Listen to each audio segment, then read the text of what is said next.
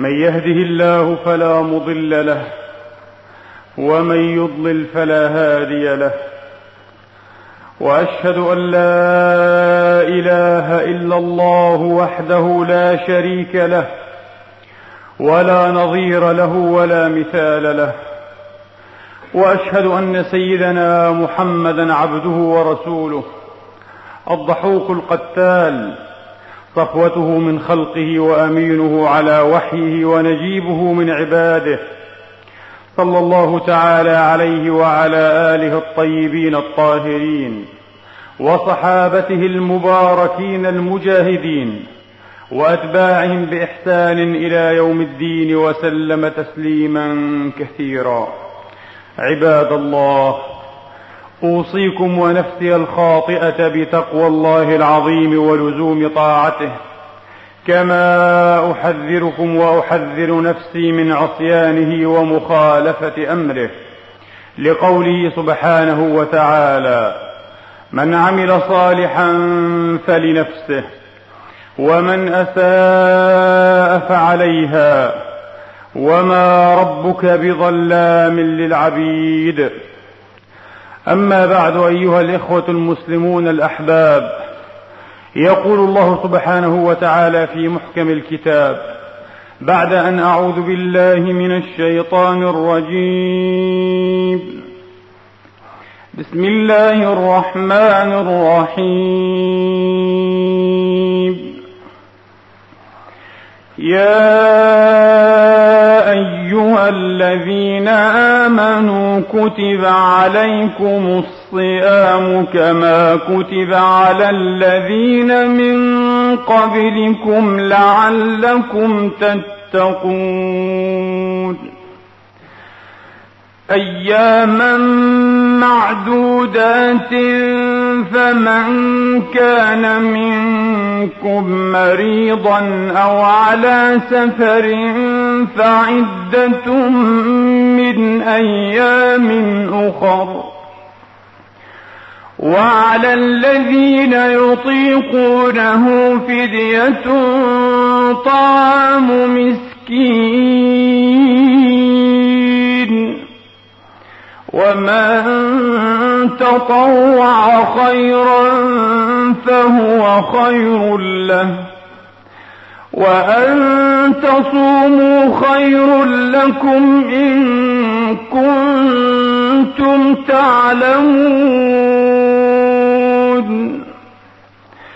شهر رمضان الذي أنزل فيه القرآن هدى للناس وبينات من الهدى. هدى للناس وبينات من الهدى والفرقان. فمن شهد منكم الشهر فليصمه. ومن كان مريضا أو على سفر فعدة من أيام أخر يريد الله بكم اليسر ولا يريد بكم العسر ولتكملوا العدة ولتكبروا الله هداكم ولعلكم تشكرون وإذا سألك عبادي عني فإني قريب أجيب دعوة الداع إذا دعان أجيب دعوة الداع إذا دعاني فليستجيبوا لي وليؤمنوا بي لعلهم يرشدون صدق الله العظيم وبلغ رسوله الكريم ونحن على ذلك من الشاهدين. اللهم اجعلنا من شهداء الحق القائمين بالقسط. آمين. اللهم آمين. أيها الإخوة المسلمون روى الإمام ابن خزيمة رحمه الله تعالى في صحيحه عن صاحب رسول الله صلى الله عليه وسلم سلمان الفارسي قال رضي الله تعالى عنه خطبنا رسول الله صلى الله عليه وآله وأصحابه وسلم في آخر يوم من شعبان فقال يا أيها الناس قد أظلكم شهر عظيم مبارك يعني شهر رمضان. قد أظلكم شهر عظيم مبارك شهر فيه ليلة خير من ألف شهر. شهر جعل الله صيامه فريضة وقيام ليله تطوعا. من تقرب فيه بخصلة من خصال الخير كان كمن أدى فريضة فيما سواه. ومن أدى فريضة فيه كان كمن أدى سبعين فريضة فيما سواه وهو شهر الصبر والصبر ثوابه الجنة وشهر المواساة وشهر يزاد في رزق المؤمن فيه وشهر يزاد في رزق المؤمن فيه. من فطر فيه صائما كان مغفرة لذنوبه وعتق رقبته من النار وكان له مثل أجره من غير أن ينقص من أجره شيء. قالوا يا رسول الله ليس كلنا يجد ما يفطر الصائم. فقال عليه الصلاة وأفضل السلام يعطي الله هذا الثواب من فطر صائما على تمرة أو على شربة ماء أو على مذقة لبن. ثم قال عليه الصلاة وأفضل السلام فاستكثروا فيه من أربع خصال. خصلتين ترضون بهما ربكم وخصلتين لا غناء بكم عنهما. فأما الخصلتان اللتان ترضون بهما ربكم فشهادة أن لا إله إلا الله وتستغفرونه. التهليل والاستغفار. وأما الخصلتان اللتان لا غناء بكم عنهما فتسألون الله الجنة وتعوذون به من النار. ومن خفف فيه عن مملوكه غفر الله ذنبه وأعتق رقبته من النار. ثم قال عليه الصلاة وأفضل السلام وهو شهر اوله رحمة وأوسطه مغفرة وآخره عتق من النار. وختم حديثه الطويل المبارك هذا بقوله عليه الصلاة وأفضل السلام كالمؤكد مرة أخرى ومن سقى صائما أي شربة ماء سقاه الله من حوضي شربة لا يظمأ حتى يدخل الجنة. قال الإمام ابن خزيمة صح الخبر. وفي بعض نسخ الصحيح أي صحيح ابن خزيمة إن صح الخبر. الله أعلم سبحانه وتعالى بذلك. أيها الإخوة المسلمون نستروح في هذه الأيام وفي هذه الليال نسمات أسحار رحمة الله. لقد أقبلت جحافل الفيض وتراسلت جنود الرحمة والجود لتنكفئ وتهرب وتستوحش أرسال الأبارسة وجنود الشياطين تفتح أبواب الجنان وتغلق أبواب النيران وينادي مناد من قبل الرحمن يا باغي الخير أقبل ويا باغي الشر أقصر.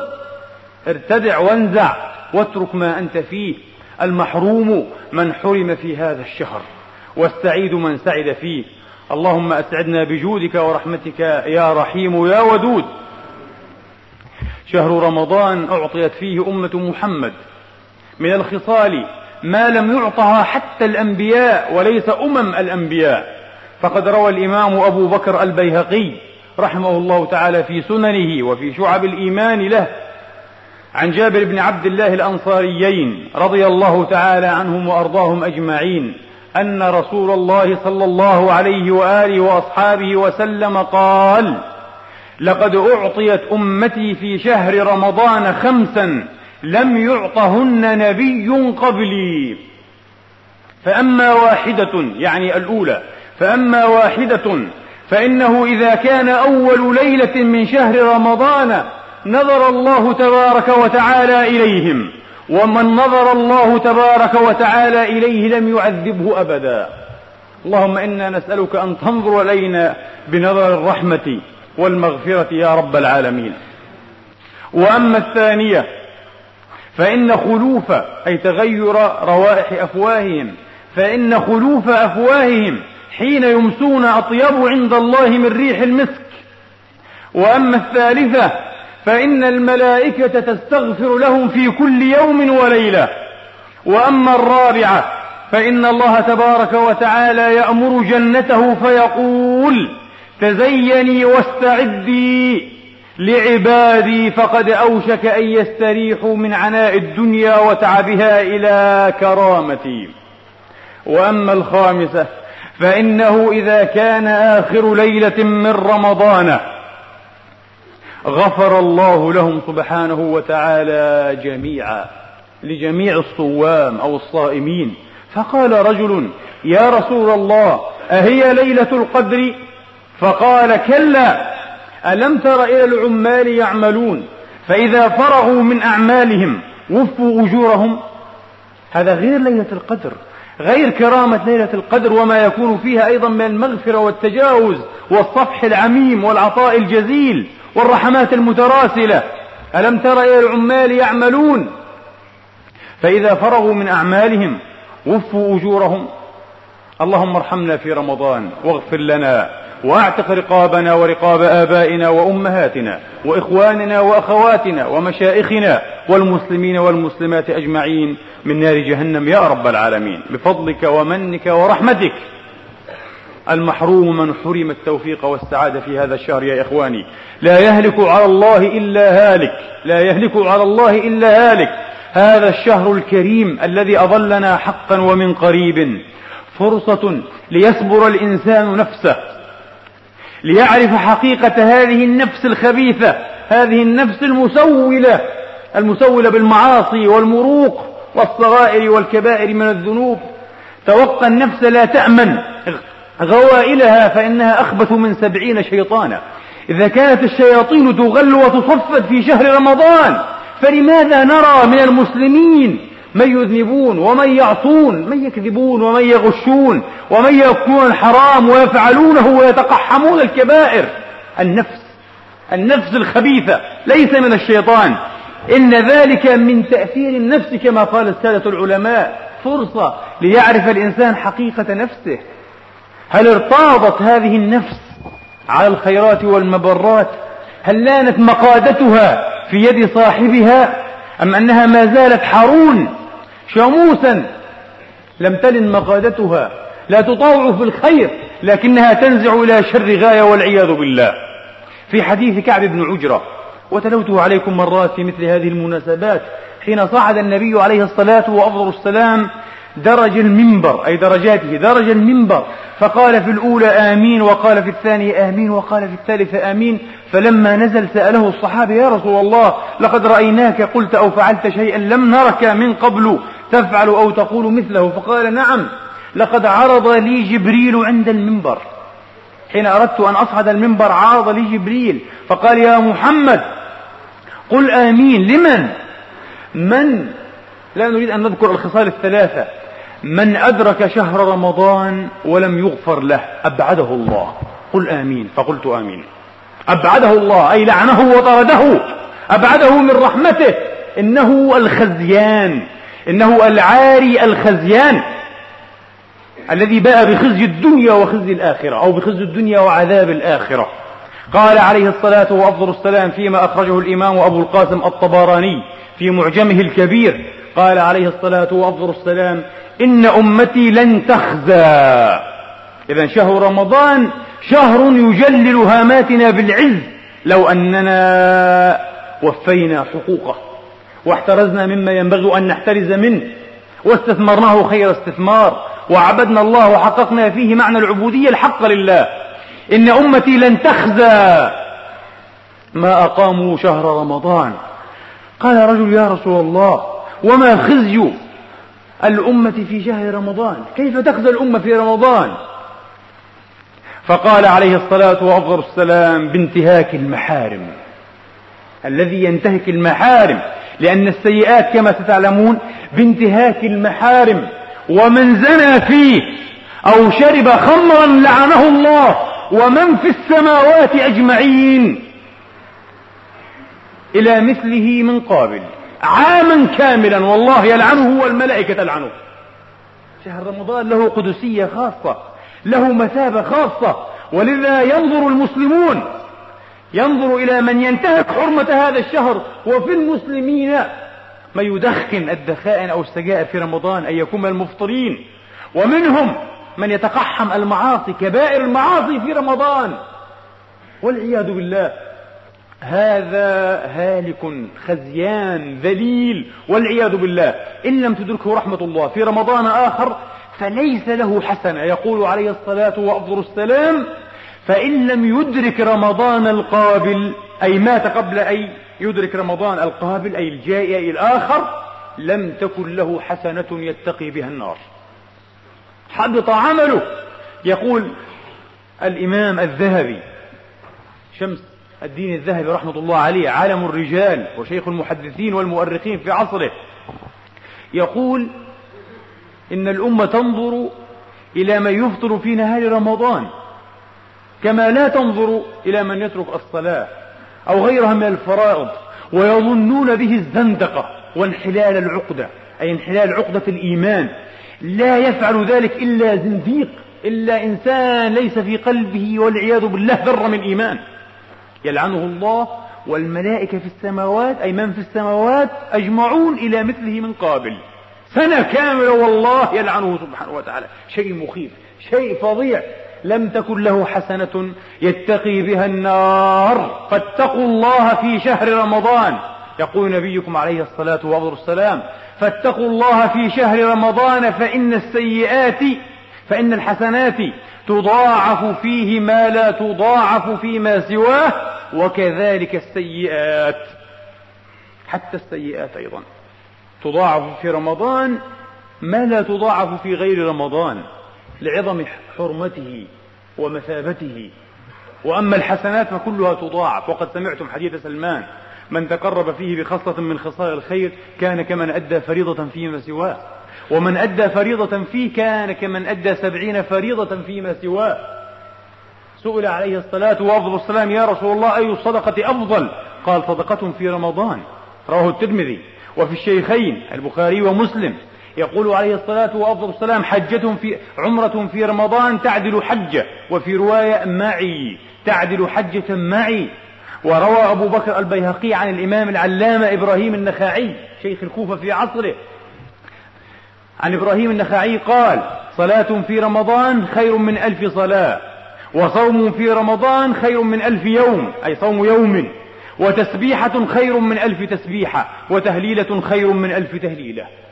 تضاعف الأعمال الصالحة كما تضاعف الذنوب والسيئات والعياذ بالله. فينبغي على المؤمن أن يحترز من الكبائر ومن الصغائر جهده في شهر رمضان وهذه هي حكمة الصوم. هذه هي حكمة الصوم ولعلها المشار إليها من طرف خفي. في الحديث الذي خرجه أيضا في الصحيحين قال عليه الصلاة وأفضل السلام كل عمل ابن آدم له الحسنة بعشر أمثالها إلى سبعمائة ضعف.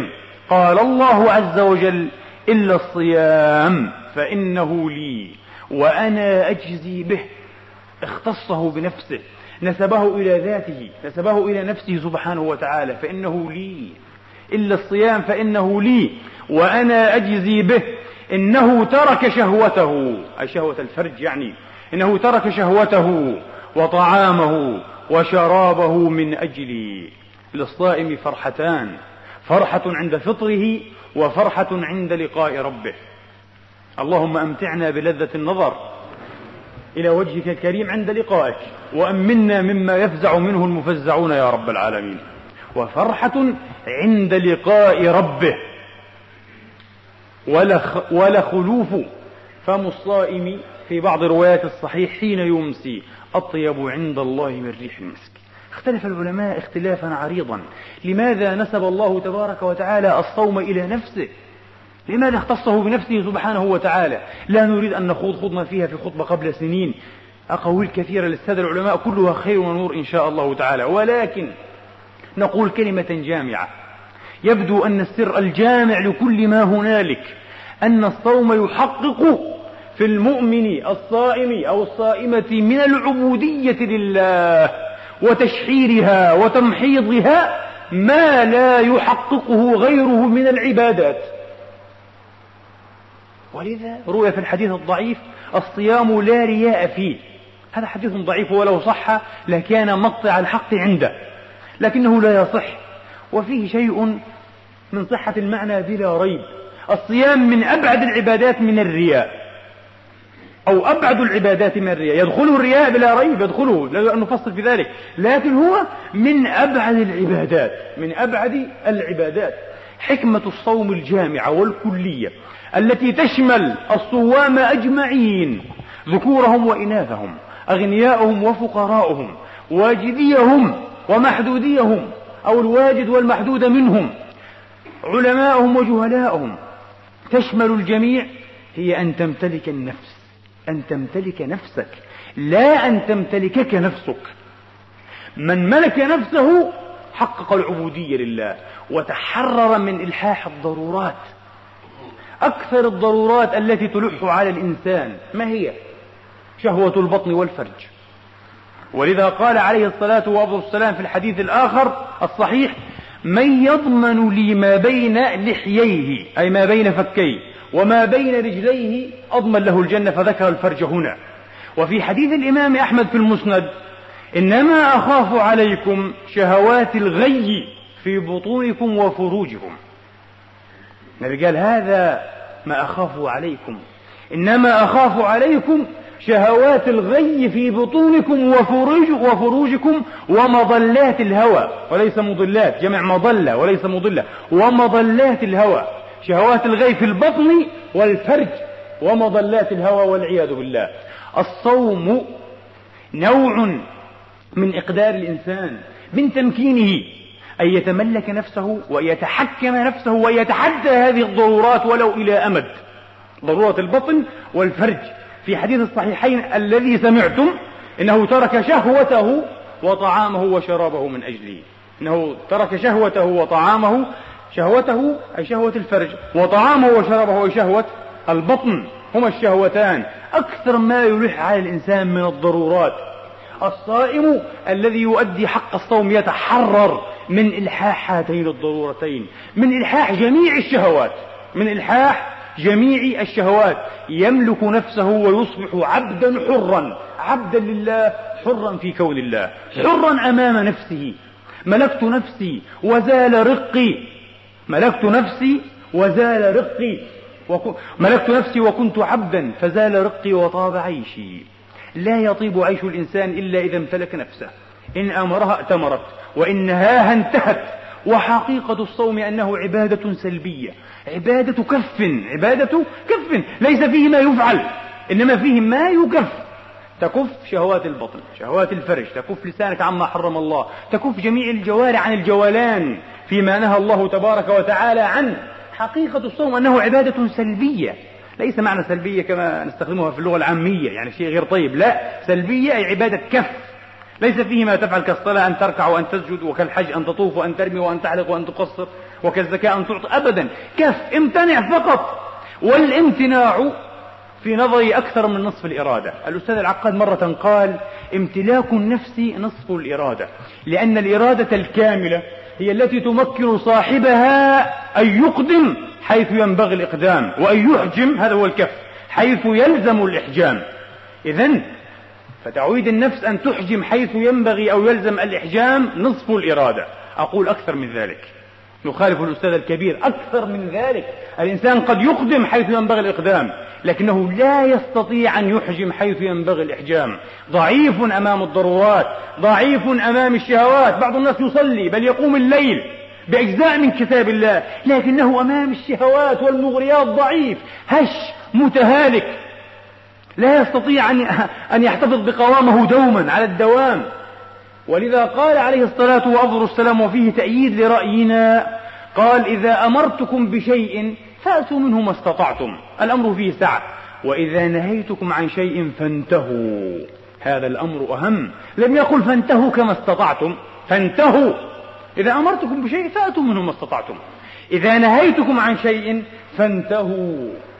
ولذا قال الفيلسوف المسلم المهتدي رجاء جارودي بارك الله في عمره قال هذا الرجل الصوم انقطاع إرادي في إيقاع الحياة. يختلف كل إيقاع الحياة اليومية الفردية والاجتماعية. بمعنى ما طبعا الفردية أكثر. انقطاع إرادي في إيقاع الحياة دليلا أي كدليل دليلا على وصول المسلم الصائم إلى درجة التحكم في اختياره ورغباته. درجة التحكم في اختياره وفي رغباته. أريد ولا أريد. أنتم تعلمون أن الإنسان يمتاز من الحيوان بما يعرف في فلسفة الأخلاق بالبعد الثالث. الحيوان له بعدان إمكان الفعل في ذاته والرغبة في الفعل. يعني الحيوان يريد أن يسافد يريد أن يأكل يريد أن ينهش أن يفترس. هل هذا الأمر ممكن أو غير ممكن؟ لا يستطيع الذئب أن يفترس الأسد الأمر غير ممكن في ذاته. لكن الأسد يستطيع أن يفترس الذئب فالأمر ممكن. البعد الثاني هل يرغب أو لا يرغب في ذلك؟ إذا كان يرغب فأنه يفعل ذلك. والمسافة معدومة بين إيه؟ بين الرغبة والإمكان. أبدا. الرغبة تدور فقط مع الإمكان. يرغب في شيء وهو ممكن يفعله. المسلم يختلف أو الإنسان بشكل عام وبالذات المؤمن. عبد الله المنقاد لشرع الله المنقاد لشرع الله. يختلف. هناك بعد ثالث المشروعية. ليس فقط أن هذا الفعل ممكن أن أفعله. أو أريد وأحب وأرغب أن أفعله. هل يسمح لي ربي خالقي المشرع سبحانه وتعالى؟ هل يسمح لي ديني وضميري محكمة الضمير في القلب؟ هل يسمح لي كل أولئكم أن أفعل أو لا يسمحون لي؟ هل يسمحون أو لا يسمحون؟ إذا هنا الإرادة والرغبة تدور مع المشروعية البعد الثالث. البعد الثالث. قبيح بالإنسان أن يريده ربه حرا. وهو يأبى إلا أن يظل عبدا. ومطاوعة الشهوات وبالذات شهوات البطن والفرج أقصر طريق إلى خزي الدنيا وعذاب الآخرة. أقصر طريق والعياذ بالله. والعوام لدينا في بلادنا وبحق يعتقدون أن من كان ضعيفا أمام شهوة البطن فهو ضعيف أمام شهوة الفرج وضعيف في كل أو أمام كل الخيارات الصعبة. والله هذا حق. من كان ضعيفا أمام بطنه يصعب جدا أن يكون متماسكا أمام شهوة الفرج. يكون ضعيفا أيضا ولذا قال النبي بينهما شهوة البطن والفرج. وقد قال الحكماء من قديم قالوا إذا جاعت النفس شبعت الأعضاء وإذا شبعت النفس جاعت الأعضاء. كيف؟ عبارة حكيمة تنطوي على معاني غزيرة. إذا جاعت النفس تجويع النفس يكون بمثل الصوم مثلا وخرق المألوفات ومخالفة المعتادات. فإذا جاعت النفس شبعت الأعضاء أي زايلها الاضطراب وسكنت وقرت. كل الأعضاء أبدا. ولذا الصائم يجد من نفسه الداعية إلى الشر وإلى معاطاة المعاصي ضعيفة. بحمد الله. ضعيفة وقليلة الصائم. البدن حتى لا يستطيع أن ينبعث إلى ذلك. فعليه بالصيام فإنه له وجاء في موضوع شهوة الفرج. صم! فإنه له وجاء. فإذا جاعت النفس شبعت الأعضاء. وإذا شبعت النفس أي شبع البطن والنفس جاعت الأعضاء. كل الشهوات تريد. العين تريد أن تبصر. اللسان يريد أن يفسق وأن يتكلم فيما يغضب الله وأن يغتاب وأن ينم وأن, وأن يفتري. الفرج أيضا الشهوات. إذا شبعت أبدا. ولذا قال عليه الصلاة وأفضل في الحديث الذي تعرفونه وهو صحيح إن الشيطان يجري من ابن آدم مجرى الدم في العروق. فقال السادة العارفون بالله هذا ليس من قول رسول الله هذا مدرج من قول العارفين. قالوا ضيقوا مجاريه بالجوع والعطش. ضيقوا مجاريه بالجوع والعطش. إلى هذا المعنى يشيرون إلى هذا المعنى يشيرون. وإذا كان الصوم هو عبادة الكف فينبغي على المؤمن يا إخواني أكثر ما يحترز أكثر من اجتهادك أن تقوم رمضان أي صلاة التراويح وأن تقرأ القرآن وأن تخرج الصدقات وأن تذكر الله وهذا شيء طيب ولازم. وضروري أن نستكثر منه في شهر رمضان بلا شك. فرصة مغنم. معرض التجارات الأخروية إنه مضمار المتسابقين ومرقاة المصعدين وميدان المتقين العاملين. ينبغي ألا نضيعه سدى لا ريب. ولكن ينبغي أن نجتهد وأن نحترز أكثر من ذلك أن نكف. نكف الألسنة نكف المسامع نكف الأبصار والجوارح نكف الفرج. نكف هذه الجوارح أن تجول فيما حرم الله تبارك وتعالى. حتى نمتلك أنفسنا حتى نمتلك فإذا امتلكنا أنفسنا تحررنا شعرنا بالحرية. نسأل الله تبارك وتعالى أن يغفر لنا وأن يرحمنا. أقول قولي هذا وأستغفر الله لي ولكم يغفر الله لي ولكم وهو أرحم الراحمين. العالمين والعاقبة للمتقين ولا عدوان إلا على الظالمين. وأشهد أن لا إله إلا الله وحده لا شريك له له الملك وله الحمد بيده الخير وهو على كل شيء قدير. قاهر الجبارين وقاصم المتكبرين ومعاد المعتدين سبحانه. وأشهد أن محمدا عبده ورسوله الضحوك القتال الذي قال عليه الصلاة وافضل السلام وبعثت بالسيف بين يدي الساعة. وجعل رزقي في ظل رمحي وجعلت الذلة والصغار على من خالف أمري. صلى الله تعالى عليه وعلى آله الطيبين الطاهرين وصحابته المباركين المجاهدين واتباعهم بإحسان إلى يوم الدين. بأي حال عدت إلينا يا رمضان؟ بأي حال يوافينا هذا الشهر؟ وبأي حال تعقبه الأعياد في كل عام وفي كل سنة؟ بحال الخزي والهوان والذل والعار. لقد صرنا إي والله إلى حال. ربما أشفق علينا العدو قبل أن يرحمنا الصديق. ما هذا ما هذا الذي يحدث في أمة العرب؟ ما هذا الذي يحدث في أمة محمد أمة الإسلام؟ كيف يمكن؟ كيف يمكن أن يرضى ضميرنا كمسلمين؟ أن يضرب إخواننا أن يروع الآمنون بغير حق بعد أن طال الظلم في حقهم والله. طال عليهم ليل الظلم. طال على إخواننا في العراق وفي ليبيا وفي السودان وفي فلسطين وعلى غيرهم وعلى غيرهم في كل مكان. كما طالهم ظلم الظالمين وعدوان المعتدين في البوسنة والهرسك والآن في كوسوفو. والأمة كأنها ميتة. يتحدثون يتساءلون الأجانب يتساءلون هنا عن موقف الشارع العربي. تعجب إحدى الصحفيات الألمانيات. تقول متحجب متحجبة. إلى الآن الشارع العربي لم يبدي تحركا.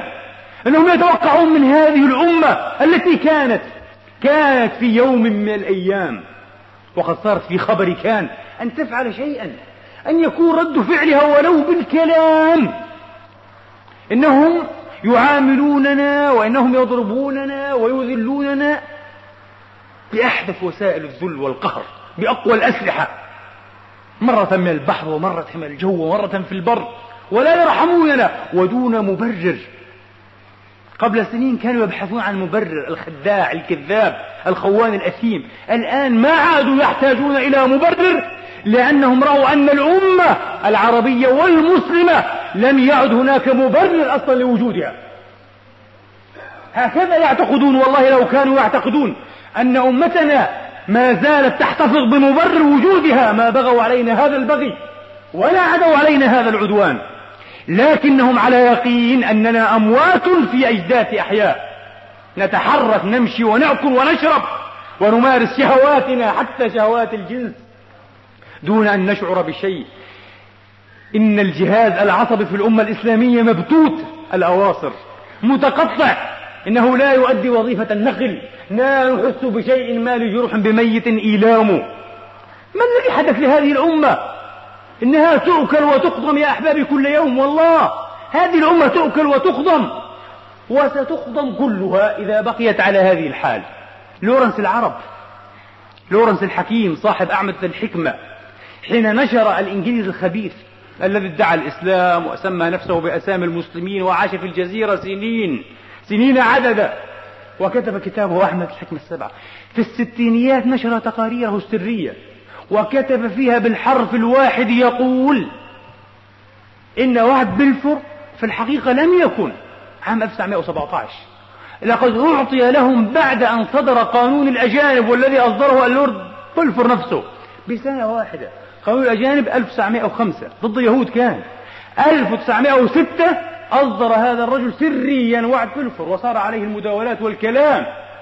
لكن يقول لورنس في الحرف الواحد كان ينبغي أن تتوفر جملة شروط جملة شرائط حتى يعلن عن هذا الوعد وحتى تقوم إسرائيل هذا الخنجر المسموم في خاصرة الأمة العربية المسلمة. لابد من توفير شرائط معينة لوضع هذا الخنجر لوضع هذا الإسفين وبعد ذلك لكي تتمكن إسرائيل من أن تلتقم جيرانها لقمة لقمة. هذا ما كتبه لورنس العرب. دولة دولة إقليما إقليما شقهم لا دولا بل عصبا ثم أشقاهم بحرب العصب. إننا مشققون ليس إلى دول إلى عصب. خمسمائة ألف دولة أربعمائة ألف دولة كلنا دول خططونا على الرمال. وفرضوه علينا في واقع الأمر. على الرمال خططوا مخطط العالم العربي. شقهم لا دولا بل عصبا. ثم أشقاهم كما ترون وهم والله أشقياء بحرب العصب. يا رسول الله أهذه أمتك؟ أهذه أمتك يا رسول الله يا من بعثت؟ يا من بعثت بالسيف بين يدي الساعة؟ وجعلت الذلة والصغار على من خالف أمرك. الذلة والصغار على أمتك اليوم. يا رسول الله يا خير الورى. يا منيل العرب غايات الفخار. قم تأمل حالهم في العالمين. كيف ذلوا بعد العز بالإثار أو بالأثار؟ صاروا أسرى لأعدائهم وشهواتهم ومناصبهم وأنانياتهم الصغيرة. إنها الأنانية والله. والله كلمة خيانة الحكام الخونة الأنظمة الخائنة لا تفسر شيئا. الأنانية التي تجتاحنا في كل مكان في المسجد في الشارع في الكلية في البيت في المدرسة. وعلى مستوى الحكم. في كل منان في كل مكان أنانيتنا هي التي تصنعنا كل إنسان لا يريد أن يتجرد عن مصالحه وعن منافعه وعن مطالبه الشخصية الصغيرة. ولتذهب الأمة إلى الجحيم ليجتاحها ألف طوفان. مثل هذه الأمة ماذا تستحق إذن؟ هذا الذي يفعل الله بها. ما أذكى دعاء الأئمة والوعاظ السدى حين يقولون لكنهم أذكياء في هذا الدعاء ولا تسلط علينا بذنوبنا من لا يخافك فينا ولا يرحمنا. أي أيوة والله. إن الله أعدل سبحانه وتعالى وأقوم في حكمه وقدره من أن يسلط على أمة محمد عليه السلام من يسومها الخسف والذلة والعار بغير ذنب. إنها ذنوبنا. قم تأمل حالهم في العالمين. كيف ذلوا بعد العز بالأثار أركضوا الأهواء فيهم خببا. ورموا وحدتهم بالشجر. كل من تراه ينحو مذهبا. ويحهم لم يتركوا من مذهبي. كل من تراه حتى في حق العمل الإسلامي. ألف اسم واسم ألف لائحة ولائحة ألف مذهب ومذهب ألف فكر وفكر. ما الذي يريدون؟ ألا يكفينا ما نحن فيه من تمزق؟ ما نحن فيه من هوان؟ شيء غريب. هذا الذي يقع لأمة محمد عليه الصلاة والسلام. المبرر لدى أعدائنا. أعداؤنا رحماء. لابد أن تلحظوا بعين الامتنان رحمتهم لأنهم أشفقوا علينا أن يضربونا في شهر رمضان. مراعاة للشهر المقدس. هكذا قال زعيمهم كبيرهم أنا لا أدري لماذا تصفى المسائل الغرامية مسائل أكرمكم الله العهر والدعارة على حساب الشعوب المقهورة. إذا كان لدى هذا الرجل مسائل كما وصفتها لا أريد أن أدنس لساني بوصفها مرة أخرى. لماذا تصفيها على حساب الأمة؟ هو لا يريد أن يضرب العراق عشرة أسابيع. يوم أو يومان كافيان. قبل شهر رمضان حجة. حتى يحتفظ بمنصبه هكذا يقول. صرنا هكذا طعمة لكل طاعم. كما وصف النبي عليه الصلاة والسلام. تداعى عليكم الأمم كما تداعى الأكلة إلى قصعتها. الكل يلقم والكل ينهش والكل يتعرق عظامنا حتى. ما بقي على عظمنا من لحم لحم على وضم. إنهم يتعرقوننا وينهشوننا ويحتسوننا ونستحق والله ما نحن فيه. ينبغي ألا نتظلم إلى السماء. ينبغي أن نتظلم إلى أنفسنا أن نراجع أنفسنا مرة وألف مرة في الليلة التي شهدنا فيها هذه المأساة. التي مررت أكبادنا ومرت نفوسنا. أردت عن قصد أن أرى ماذا تبث الإذاعات العربية الأخرى. وكان لدي أحد الإخوة الأحبة. إي والله بعضهم يبثون الموسيقى والغناء ولقاء مع الفنانين. إي والله يا أخواني. والله في نفس اللحظة كلام لا يصدق. وقناة أخرى لدولة عربية عظيمة تبث فيلما عربيا غراميا بالأسود والأبيض. الفن الكلاسيكي. بالأسود والأبيض. مشاهد التقدير وقلة الأدب والعراق يضرب. المسلمون يضربون. بعض الناس يريح ضميره ما هو صدام السبب. ما دخل صدام بضرب شعب آمن. ليس حديثنا عن صدام ولا غير صدام. كلهم سواء. حديثنا عن الشعب وعن موقف الشعوب. ماذا يفعل الشعب وماذا تفعل الشعوب الأخرى؟ سيأتيها نفس المصير. والله سيأتيها نفس المصير. وبما كسبت أيدينا. اللهم ارفع مقتك وغضبك عنا. اللهم ارفع مقتك وغضبك عنا. اللهم لا تؤاخذنا بما فعل السفهاء منا. ولا تسلط علينا بذنوبنا من لا يخافك فينا ولا يرحمنا. اللهم ارحمنا فإنك بنا راحم. ولا تعذبنا فإنك علينا قادر. والطب بنا فيما جرت به المقادير. اللهم من نصب للمسلمين الشدائد والفخاخ والمصائب فاهتك اللهم ستره وافتح قبره واجعل نهايته في العالمين عبرة.